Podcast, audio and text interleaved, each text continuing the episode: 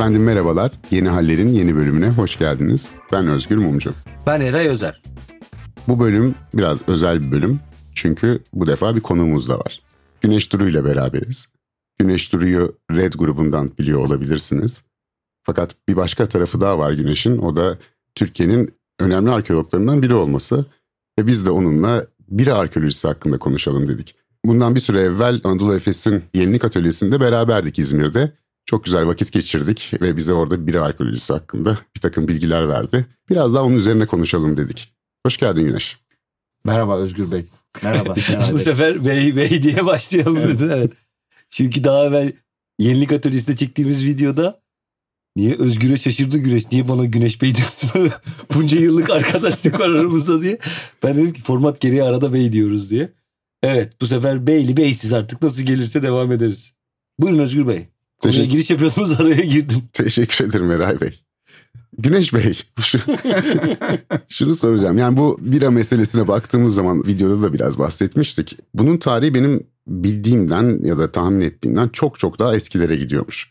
Sana onu sormak istiyorum. Yani ne kadar eskiye gidiyor? Böyle artık 10 bin yıllardan, 12 bin yıllardan bahsediliyor bu biranın ortaya çıkışından. Nereye kadar geriye gidiyoruz? Bundan 10 yıl önce bu podcast'i yapıyor olsaydık, gerçi o zamanlar podcast diye bir şey yoktu ama biranın tarihinin 5000 yıl öncesine dayandığını konuşacaktık ve Mısır ağırlıklı bir konuşma yapacaktık burada. Ama son arkeolojik veriler bize 11 bin, 12 bin belki biraz daha eskiye de gidebileceğini gösteriyor biranın tarihini. Yani bu tarım toplumundan önce bira vardı diyebiliyor muyuz bu durumda? Bira tarımın ortaya çıkışında bir anahtar rol üstlenmiş olabilir. Yani bu insanlar avlıyorlar, topluyorlar. Bir de bira mı içiyorlar? Yani nasıl tetikledi bunu? Yani gözümde canlandırmaya çalışıyorum. İşte 30-40 kişilik ya da 100 kişilik bir grup. Büyük ihtimalle senenin bir kısmında iklime göre bir yerde yaşıyor. Bir kısmında bir başka tarafta yaşıyor. Bizim biraz yörükler gibi. Bu insanların buğdayla, arpayla tanışması nasıl oluyor avlayıp toplarken kendileri henüz kültüre almamışken, henüz bunun tarımını bilinçli olarak yapmazken? Aslında cevap sorunun içerisinde avcı toplayıcı topluluklar hayatta kalmak için etraflarındaki ne varsa yani o av hayvanları ve e, toplayıcılık yaptığı çeşitli bitkiler bu konuda zaman içerisinde uzmanlaşıyorlar. Biz aşağı yukarı günümüzden 50-60 bin yıl önceden itibaren insanların bitkilerle ve hayvanlarla çok yoğun bir teşvike mesaisinin olduğunu biliyoruz. Ve bu durum özellikle bitkilerde 23 bin yıldan itibaren giderek bilinçli olarak hasat yapma sürecini başlatıyor. Ki bu bilinçli hasat bitkileri hem morfolojik olarak değiştirecek hem de insanlar arpayla, buğdayla ve diğer bitkilerle ne yapacakları, o bitkilerin neye iyi geldiği, hangi hastalıkları iyileştirdiği veyahut besin değerleri konusunda bilgi birikimi sahibi olmalarını sağlayacak ve bunu diğerlerine, sonraki kuşaklara, sonraki kuşaklara aktaracaklar. Tabii uzun bir süreçten bahsediyoruz ama 23 bin yıl önce başlayan hasat süreci 10-12 bin yıl sonra tarımı ortaya çıkartacak. Enteresan olan orada şey tabii yani kariyerinin Sapiens'inde de vardı ya işte aslında şimşekler düşüyor. Oradan çıkan yangınlar var. Orada bir şeylerin yandığında daha kolay sindirilebileceği ortaya çıkıyor vesaire. Benzer bir şekilde arpa, buğday neyse işte o zaman daha yabani. Hani henüz daha şey altına alınmamış, ehilleştirilmemiş bir ürün. Orada bir biçimde aslında bir yerde kalsa bile belki kendi kendine fermente oldu, mayalandı bir şey oldu ve oradan aa bir dakika buradan bir içecek ürüyor dedi ve hikaye başladı gibi bir şey değil mi? Evet. Yani bu insanlar tabii ki bitkileri hasatını yapıyorlar ve onu yenilebilir bir hale getirmeleri gerekiyor. Bu süreçte de bir takım havanlar kullanıyorlar. Bitkileri dövüyorlar, tohumlarından ayırıyorlar vesaire veya kavuzlarından ayırıyorlar. Bu süreçte e, suyu da kullanıyorlar ve çok basit aslında formül. Yani bu biyokimyasal dönüşüm bugün nasılsa bira için geçmişte de aynı şekilde. Bu bitki arpa ya da buğday veyahut da benzeri bitkiler suyla temas ettiği için yavaş yavaş fermente olmaya başlıyor büyük ihtimalle garip kokan ve tadı enteresan olan bir şeyi fark ettiler böyle bir fermentasyon sürecinde ve bunu belki de yaşamlarının merkezine doğru giderek almaya başladılar. Güneş peki arkeologlar olarak bu denli bilgiye hangi araçları kullanarak hangi mesela çünkü bayağı kestirilebilir bir şey. Tarih değişiyor. İşte dediğin gibi belki son 10 yılda 7 bin yıl geriye attık diyorsun. O çok acayip bir bilgi. Nasıl bir gelişim bunu tetikledi arkeoloji alanındaki? Biz eskiden bu tür inovasyonları diyeyim veyahut da insanların yaşam biçimlerine ilişkin detayları eskiden materyal kültür üzerinden izleyebiliyorduk. Yani bir çanak, onun işlevselliğini anlamaya çalışıyorduk. Veyahut da arkeolojik dolgularda gördüğümüz kalıntılar üzerinden bir değerlendirme yapıyorduk. Fakat 1950'lerden itibaren arkeoloji biraz daha interdisipliner bir hale gelmeye başladı ve yani farklı meslek gruplarıyla çalışmaya başladık. Bunlar işte arkeozoologlar, arkeobotanistler, fen bilimciler ve bu süreçte biz özellikle tarih öncesi topluluklar için bunların yazısız bir zamandan bahsettiğimiz için yaşamlarına ilişkin daha fazla veriye ulaşmak adına çeşitli işbirlikleri sayesinde sadece arkeolojik dolguları değil o dolgularda veya kaplarda veya havanlarda kalan izler, yaptığımız tortu analizleri mesela, bitkilerdeki morfolojik değişimler, Mesela eğer siz biracılığı, bira üretimini biraz ileriye götürdüğünüz vakit maltlaşma sürecinde arpalarda ya da buğdayda bir tür çimlenme sürecini görüyorsunuz. Bunu kömürleşmiş buğday ve arpa kalıntılarından anlayabiliyoruz. Veyahut insanların dişlerinde yani bulduğumuz iskeletlerde dişlerde kalan diş tartarları. İnsan vücudundaki bunu da kemiklerden anlıyoruz. Artan B vitamini grafiği ve yine arkeolojik dolgularda bulduğumuz kimyasal analizlerle e, hasarlı nişasta granülleri bize orada bira üretimine ilişkin izleri işaret ediyor. Tabii bizim hep alıştığımız gelenekselleşmiş bir medeniyet anlatısı var ve bu genelde çizgisel olarak ilerliyor. İşte avcı toplayıcıyız ondan sonra hop tarım devrimi oluyor. Sonra zaman ilerliyor hop sanayi devrimi oluyor falan diye ilerliyoruz. Fakat bugün artık biliyoruz ki bu tarım devrimi bir anda olmuş bir şey değil. Çok uzun bir süreçten e, bahsediyoruz tarım devrimi bakımından. Ve gitgelleri de çok var. Şuna da rastladım ben mesela bir okuduğum bir kaynakta. İşte bir ara tarım toplumuna neredeyse geçiliyor. Sonra vazgeçiliyor. Tekrar avcı toplayıcıya dönenler var. Sonra bir daha tarıma dönüyorlar. Yani böyle bir oyuncaklı bir deneme yanılma sürecinden bahsediyoruz anladığım kadarıyla. Bu tam olarak nasıl tetikledi sence bir tarımı? Hani o şu anda bir teori değil mi? Ve ciddi olarak tartışılan bir teori. 1960'lardan itibaren arkeologlar bu teori üzerine düşünmeye başlıyorlar. Ancak çok fazla kanıt yok. Yani çünkü bugünkü gibi kimyasal analizler yapamıyorduk. Bugünkü kadar laboratuvar yoktu ama yeni veriler böyle bir şeyi işaret ediyor. Yani bunun olma olasılığının epeyce yüksek olduğunu gösteriyor. Ama tabii biraz önce senin söylediği gibi de yani böyle bir çizgisel bir süreçten bahsedemeyiz. Neden bahsedemeyiz? Çünkü biraz önce söyledim 23 bin yıl önce insanlar bitkilerin hasatını yapmaya başlamışlardı. Gayet ideal bir yaşam kurmak üzerelerdi ve birdenbire Younger Dryas ya da genç Dryas olarak tanımlayabileceğimiz bin yıllık bir ani iklim değişikliğiyle karşılaştık. Ya şunu soracağım. O çok ilginç geldi bana. Neredeyse insan soyu sona eriyormuş galiba o dönemde. Yani çok az sayıda insan kalmamış mı birdenbire o buzul çağına girdiğimizde? O kadar değil. O bir önceki buzul çağı. Ha, o bir önceki, bir önceki tamam. buzul çağı. Bu... Peki o bir önceki buzul çağından evvel bir hasat var mı yoksa buna yok. ilişkin bir elimizde emare yok ya da en azından? Hayır hayır. Ona ilişkin bir şey. İnsanlar yine avcılık ve toplayıcılık yapıyorlar ama burada olduğu gibi sistematik bir hasattan veya bitkilerle bu denli sistematik bir ilişkiden bahsedemiyoruz.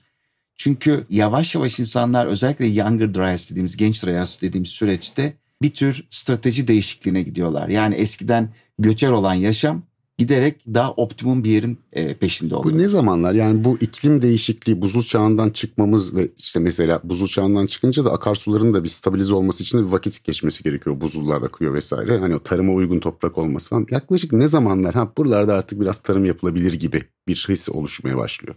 10 bin, 10 bin 500 yıl diyelim. İnsanlar artık tarım yapmaya başlayacaklar. Ama bu Younger Dryas insanları tek bir yerde yaşamaya ve sorunlarını sadece o yerde çözmeye doğru itiyor. Buradan hareketle şeyi söyleyeyim. Zamanını konuştuk. Lokasyon olarak konuşmadık. Yani coğrafyadan bahset. Anadolu herhalde o zamanlar yine bütün kadim medeniyetlerin geliştiği topraklar olarak yine Göbekli Tepe var. Bereketli Hilal var. Yine o coğrafyadan bahsediyoruz değil mi? Yani Anadolu, Bereketli Hilal buralardan çıkan yani o yerleşik topluma, tarım toplumuna geçiş, sonrası işte biranın üretimi vesaire bu coğrafya yani. Evet. Yani Güneybatı Asya'nın bütünü diyelim ama burada tabii özellikle Urfa bölgesinin anahtar bir rolü var. Çünkü biraz önce senin de söylediğin gibi Göbekli Tepe ve çevresinde zaten bizim bu bitkiler yani yerleşik yaşamın başlama süreci, insanların bitkileri ehlileştirme süreci endemiklerin olduğu bir coğrafyada gelişiyor. E bu bağlamda Urfa çok özellikle buğday için çok önemli. Arpa biraz daha güneyde Suriye ve Ürdün'de başlardı ama yavaş yavaş Anadolu'ya doğru gelmeye başlıyor. Arpa içinde bunun Orta Anadolu'da yani ağırlıklı olarak gelişeceğini zaman içerisinde göreceğiz. Yani ama 1-2 bin yıl sonra olacak bu. Güneş şimdi insanlar işte avcı toplayıcı gruplar ve arada da işte hafif hafif tarıma başlamışlar. Belli hasatları yapabiliyorlar yabani bile olsa işte onu nasıl ehlileştireceklerini görüyorlar falan. Bir de bir araya geliyorlar bu avcı toplayıcı topluluklar. Yani ara ara herhalde bir törensel bir şekilde mi bir araya geliyorlar? Alışveriş için mi? Bir değiş tokuş için mi? Aslında Özgür Bey orada şey demiş oluyorsunuz. Ben de sorularım arasındaydı da.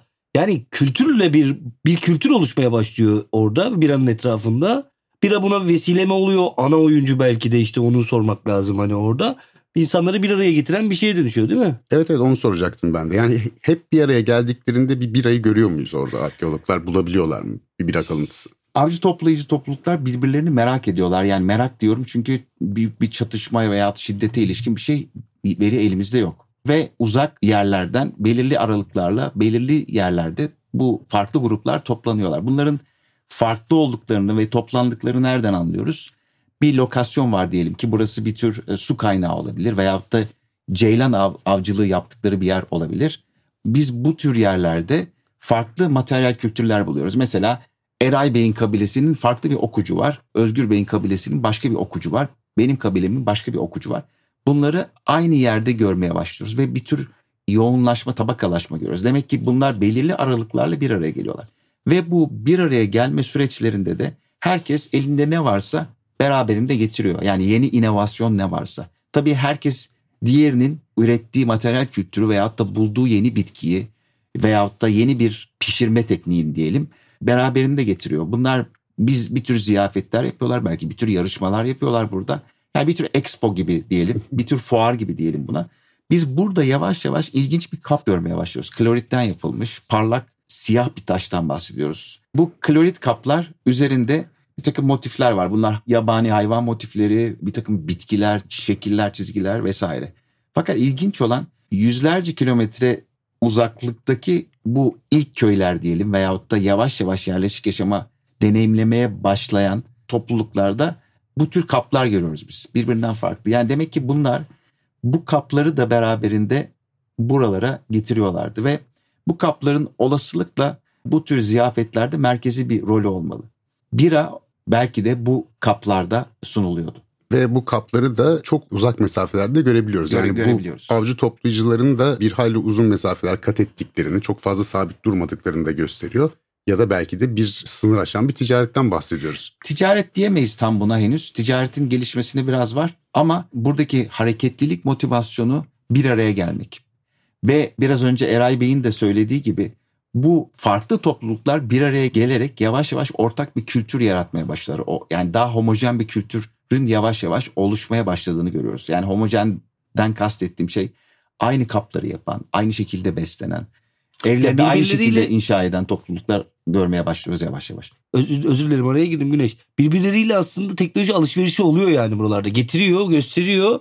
Sen ona öğretiyorsun belki o sana öğretiyor. O okucunu başka türlü yapmış sana anlatıyor. Sen de kloritten diyorsun işte şey yapıyorum filan. Hani böyle bir beraber gelişme gibi Evet. bir durum söz konusu yani. Bir araya geldikleri zaman bir araya geldiklerini de görebiliyoruz. Bir takım anıtlar bırakıyorlar değil mi kendi arkalarında? Yani bir, bir takım binalar vesaire oluşmaya başlıyor. Belki de bir anlamda ilk tapınaklar da ya da ilk idari birimler mi diyelim ne diyelim onlara yani Yani İkisine de demeyelim. Tapınak da demeyelim.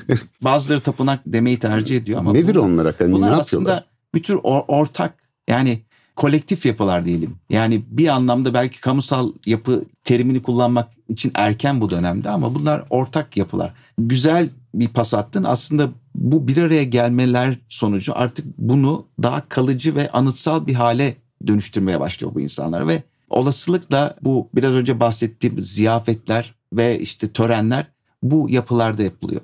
Ve yani tapınak dediğimiz vakit veyahut da idari yapı dediğimiz vakit başka mekanizmalar girecek. Evet, Ve evet. Buradaki temel motivasyon aslında onların bütün bu törenine eşlik eden daha anıtsal tanık binaları diyelim bunlara. Bir de o bölge Expo dedi ya Expo'nun gerçekleştirdiği bir Doğru, fuar alanı gibi doğru. bir şey yani. E, onu anlıyorum peki o bölgeler özel olarak niye seçilmiştir sence? Mesela niye Göbekli Tepe Göbekli Tepe'de niye ya da benzer bir anıtsal yapı diyelim niye orası seçiliyor? Yani bir takım astronomik sebepleri mi var, coğrafi sebepleri mi var? Bilebiliyor muyuz bunu? Tabii ki en başta coğrafisiz nedenleri var. Yani bunlar en biraz önce söylediğim gibi bu özellikle genç Trayas sırasının içerisine biçimlenen topluluklar olduğu için o koşullarda hayatta kalabilecekleri ve rahat edebilecekleri bir yeri tercih ediyorlar. İkincisi biraz önce bahsettiğim bu endemik türlerin orada yoğun olması. Üçüncüsü gazel gibi av hayvanlarının etrafta olması. Ve tabii bu yerleşmelerin bir de suya ihtiyacı var. etrafta yakınlarda bir yerde bir su kaynağına olması gibi motivasyonlar. Ama biz bu büyük taşları da düşünürsek bu yapılarda aynı zamanda bu taşları yani o yapıları inşa edebilecekleri yapı malzemelerine de yakın olmaları gerekiyor. Yani bu da bir tür kireç veyahut da yerleşmesine göre işte bazalt vesaire ne varsa orada o kaynaklara yakın yerleri tercih ediyorlar. Peki bu sefer yani yavaş yavaş bölümün sonuna doğru yaklaşırken şu meraktan kurtulmak istiyorum. Form olarak bira nasıl başlıyor, nereye geliyor? Yani bugün bira deyince aklımıza gelen şeyle o zaman yapılan bira arasında nasıl bir fark var? Şimdi başta olasılıkla alkol e, seviyesi oldukça düşük. Yüzde bir, yüzde iki alkollü bir şey tüketiyor bu insanlar. Hafif böyle lapa kıvamında ya da çorba kıvamında bir şeyden söz edebiliriz. Ve yavaş yavaş bunu özellikle çanağın yani kilden yapılmış çanağın ortaya çıkmasıyla beraber bu da 7 binlerde olacak. İnsanlar kilden çanak yapıyorlar ama birkaç bin yıl sonra da bunun ısıya dayanıklı olanlarını yapmaya başlıyorlar. Demek ki bir ısı prosesi de işin içerisine dahil olmaya başlıyor. Böylece insanlar sadece buğdaydan değil arpadan da daha nitelikli, daha rahat içilebilir, daha giderek sıvılaşan bir biraya doğru evriliyorlar. Ama özellikle 5000'lerde yani milattan önce 5000'lerdeki hem çanak üzerindeki bir motiften veyahut da daha sonra yazılı belgelerden göreceğimiz gibi bira başlangıçta yani bu dönemde kamışlarla pipetlerle içiliyordu. Nedeni de hala dibe çöken bir tür işte tortu barındıran bir şey olduğu için onları yutmamaları için pipetle içilen bir şeydi ve zaman içerisinde bu pipetlerin ucuna bir süzgeç buluyorlar ve süzgeç o tortuların kamışın içerisine gelmemesini sağlıyor. Yani bu bütün bunların gerçekleşmesi 3-5 bin yıl sürüyor ama nihayetinde aşağı yukarı milattan önce 600'lerde insanlar daha bugünkü biraya benzeyen bir birayı tüketmeye başlıyorlar. Ama bizim böyle cam gibi pilsen birası diye nitelendireceğimiz şeyi görmemiz için milattan sonra 6. 7. yüzyılı hatta biraz daha sonrasını beklememiz gerekecek. E bugün de hala e, böyle işte manastır biraları falan dedikleri bazı eski usul tekniklerin kullanıldığı biralarda hafif tortu olması mümkün değil mi? Öyle bir takım tortulu biralar da var galiba bugün. Var ama bunlar kocaman kocaman tortlular. Boğazınızda. Olacak gibi değil. Anladım abi. Öyle tortu topak topak bu. Topak topak. Bir takım işte o dönemden kalma resimlerde işte oymalarda kalkmalarda falan onu görüyoruz hakikaten pipetli bir şey içiliyor. Evet. Grup halinde de içiliyor. Süzgeçli pipet çok iyi fikir. Bak yine söylüyorum daha önce bölümden önce de söyledim. Çok hayran kaldım süzgeçli. Ben portakal suyum için aynısından talep ediyorum şu anda. Süzgeçli pipet sonradan o pipetten de kurtulmak için bu sefer süzgeçli kaplar yapıyorlar. Yani büyük bir servis kabı var. Ucunda bir süzgeç var. Yani ağız, ağız kısmında bir süzgeç var. O süzgeçten e, herkesin kaplarını boşaltmaya başlıyorlar. Yani bira başlangıçta böyle kocaman ortada büyük bir şey var. Ne diyelim bir büyük testi var. Ondan hep beraber içtiğimiz ortaya karışık gelen pipetlerle içtiğimiz bir şeyken yavaş yavaş hepimizin elinde bir çanaktan içtiği e, ve süzgeçli başka bir servis çanağından servis edilen bir şeye dönüşüyor. Şunu sormak istiyorum. Bu bira Anadolu'da, e, Mezopotamya'da, bu Levant denilen bölgede yani bizim buralarda başat hatta tarımın tetiklediği düşünülen bir içecekken Yunan ve Roma medeniyetleri zamanında biraz pabucu dama atılıyor sanki. Yani böyle bir şarabın ön plana çıkmasıyla beraber bira biraz daha geri plana itiliyor. Ta ki Kuzey Avrupa'da e, ya da işte Orta Avrupa'da yeniden Milattan sonra 6. Evet. yüzyıl. tekrardan belirene kadar. O ara dönemde Anadolu'da kimi izler var mı hiç bir fikrin var mı ya da bir araştırma var mı? Yani ne oldu biraya o arada? Aslında bir şey olmuyor yani bira insanlar münferit olarak küçük küçük herhalde bira yapmaya devam ediyorlar. Muhtemelen Yunan'da ve Roma'da da bira içen birileri var. Fakat bira e, bir tür barbar içeceği olarak algılandığı için kod olarak biz Hititlerden sonra mesela yavaş yavaş biranın senin söylediğin gibi tercih edilmediğini görüyoruz. Ama muhtemelen birileri içmeye devam ediyor. Ama Yunan ve Roma bunu tamamen kültürel nedenlerle reddediyorlar. Yani şey gibi bu yani bir yerde şarap ve zeytinyağı var öbür tarafta tereyağı ve bira varmış gibi geliyor bana. Özellikle Avrupa'da böyle hani böyle kültürel bir ayrım olmuş gibi. Tabii Evet. bu kadar basit değildir ama sanki o da biraz kimlik oluşturmada da önemli bir rol oynamaya başlıyor. İşte bizimkiler bunu içer, onlar bunu içer falan gibi mi? Büyük ihtimalle öyle. Yani bu çok kültürel bir nedenden dolayı Yunan ve Roma birayı reddediyor olmalı. Ama muhtemelen biraz önce de konuştuğumuz gibi çok basit bir biyokimyasal dönüşümün ürünü olan bir şeyden bahsediyoruz. içecekten bahsediyoruz. O yüzden içilmiş olma olasılığı yüksek. Evet yavaş yavaş bölümün sonuna doğru yaklaşıyoruz arkadaşlar. Fakat bu bölümün sonunda bizim bir adetimiz var Güneş Bey. Bir orkoluk diye tabir ettiğimiz bir bağlayıcı bir ifadeyle bitiriyoruz. Özgür Bey siz hazırladınız mı bir şey? Var mı kesede bir şeyler? Yok e, yani çok özel bir orkuluk hazırlamadım. Çünkü daha ziyade Güneş'in söylediklerini dinleyelim diye ona odaklanmıştım. Fakat şu hoşuma gitti benim bu avcı toplayıcılık meselesinde. O grupların sınır tanımadan çok uzun mesafeler kat etmeleri, kendilerini illa bir yere bağlı hissetmemeleri, e, diğer toplulukları merak ediyor olmaları ve o sırada hepsinin el yordamıyla bulduğu bir içecek etrafında bir kültür yaratıyor olmaları, bir alışveriş, bir değiş tokuş, bir kültürel işbirliği içinde olmaları bana insanlık adına biraz umut verdi. Yani geçmişimize baktığımız zaman öyle sürekli kavga dövüşte yok. Yani işbirliği, bir kültürü paylaşma, bir kültürü yayma, bir dayanışma, beraber bir şey üretmenin bir tetikleyicisi, bir unsuruysa bira iyi bir şeye hizmet etmiş gibi geldi bana insanlık tarihinde. Bu orkoluksa benim orkoluğum da bu olsun. O zaman ben Güneş Bey'e en son sözü bırakırız diye ben gireyim araya çünkü Güneş Bey kapatsın. Benim şey çok hoşuma gidiyor. Bu bir süreç ya ve devam ediyor. Aslında bugün de devam ediyor. Yani çünkü bir sürü değişken var. İşte hangi mayayı kullanıyorsun üretirken ısı, ortam, coğrafya, kullandığın kap, onun cinsi, materyali vesaire. Yani bugün işte biz bir süre önce senin açılışta söylediğin gibi Anadolu Efes'in yenilik atölyesine gittik. Orada da hala o ARGE çalışmaları devam ediyor. Bugün hala yeni bir bira, yeni bir lezzet. Biraz değişik, biraz belki çok değişik işte neyse. Yani üzerinde sürekli oynama yapılan bir süreç bu ve hala devam ediyor. Bunun için çalışmalar devam ediyor. Bu da iyi bir şey şu açıdan yani. insanlık tarihi kadar yani daha doğrusu insanlık tarihinin tarım toplumundan bugüne yaklaşık 10 bin yıl, 12 bin yıldır hayatımızda olan bir öğe bira. Hala onu geliştirmeye devam ettirmeye çalışan insanlar var. Dolayısıyla ve bunun kendisinin bir kültür öğesi olarak yani insanların bir araya gelmesinde vesaire bir vesile olması da çok etkileyici sahiden. O yüzden de Güneş'e çok teşekkür ediyoruz bunları bize anlattığı için. Bir de Güneş'in orkoluğunu alalım ama. Bence bira insanlık tarihin en eski inovasyonlarından belki de en önemlisi. Neden? Biraz önce Özgür'ün söylediği gibi farklı avcı toplayıcı toplulukları bir araya getirerek ortak bir homojen kültür yaratmak, yerleşik yaşam sürecini tetiklemek, tarımın ortaya çıkmasını tetiklemek, yani bunlara neden olmak, belki majör bir aktördü, belki minör bir aktördü ama bütün bunlara neden olmak bence insanlık tarihi açısından, e, bizim açımızdan önemli bir şey. Diğer taraftan bize bitkilerle olan geçmişimizi hatırlatan bir şey ve bitkilere ne kadar ihtiyacımız olduğunu hatırlatan bir şey.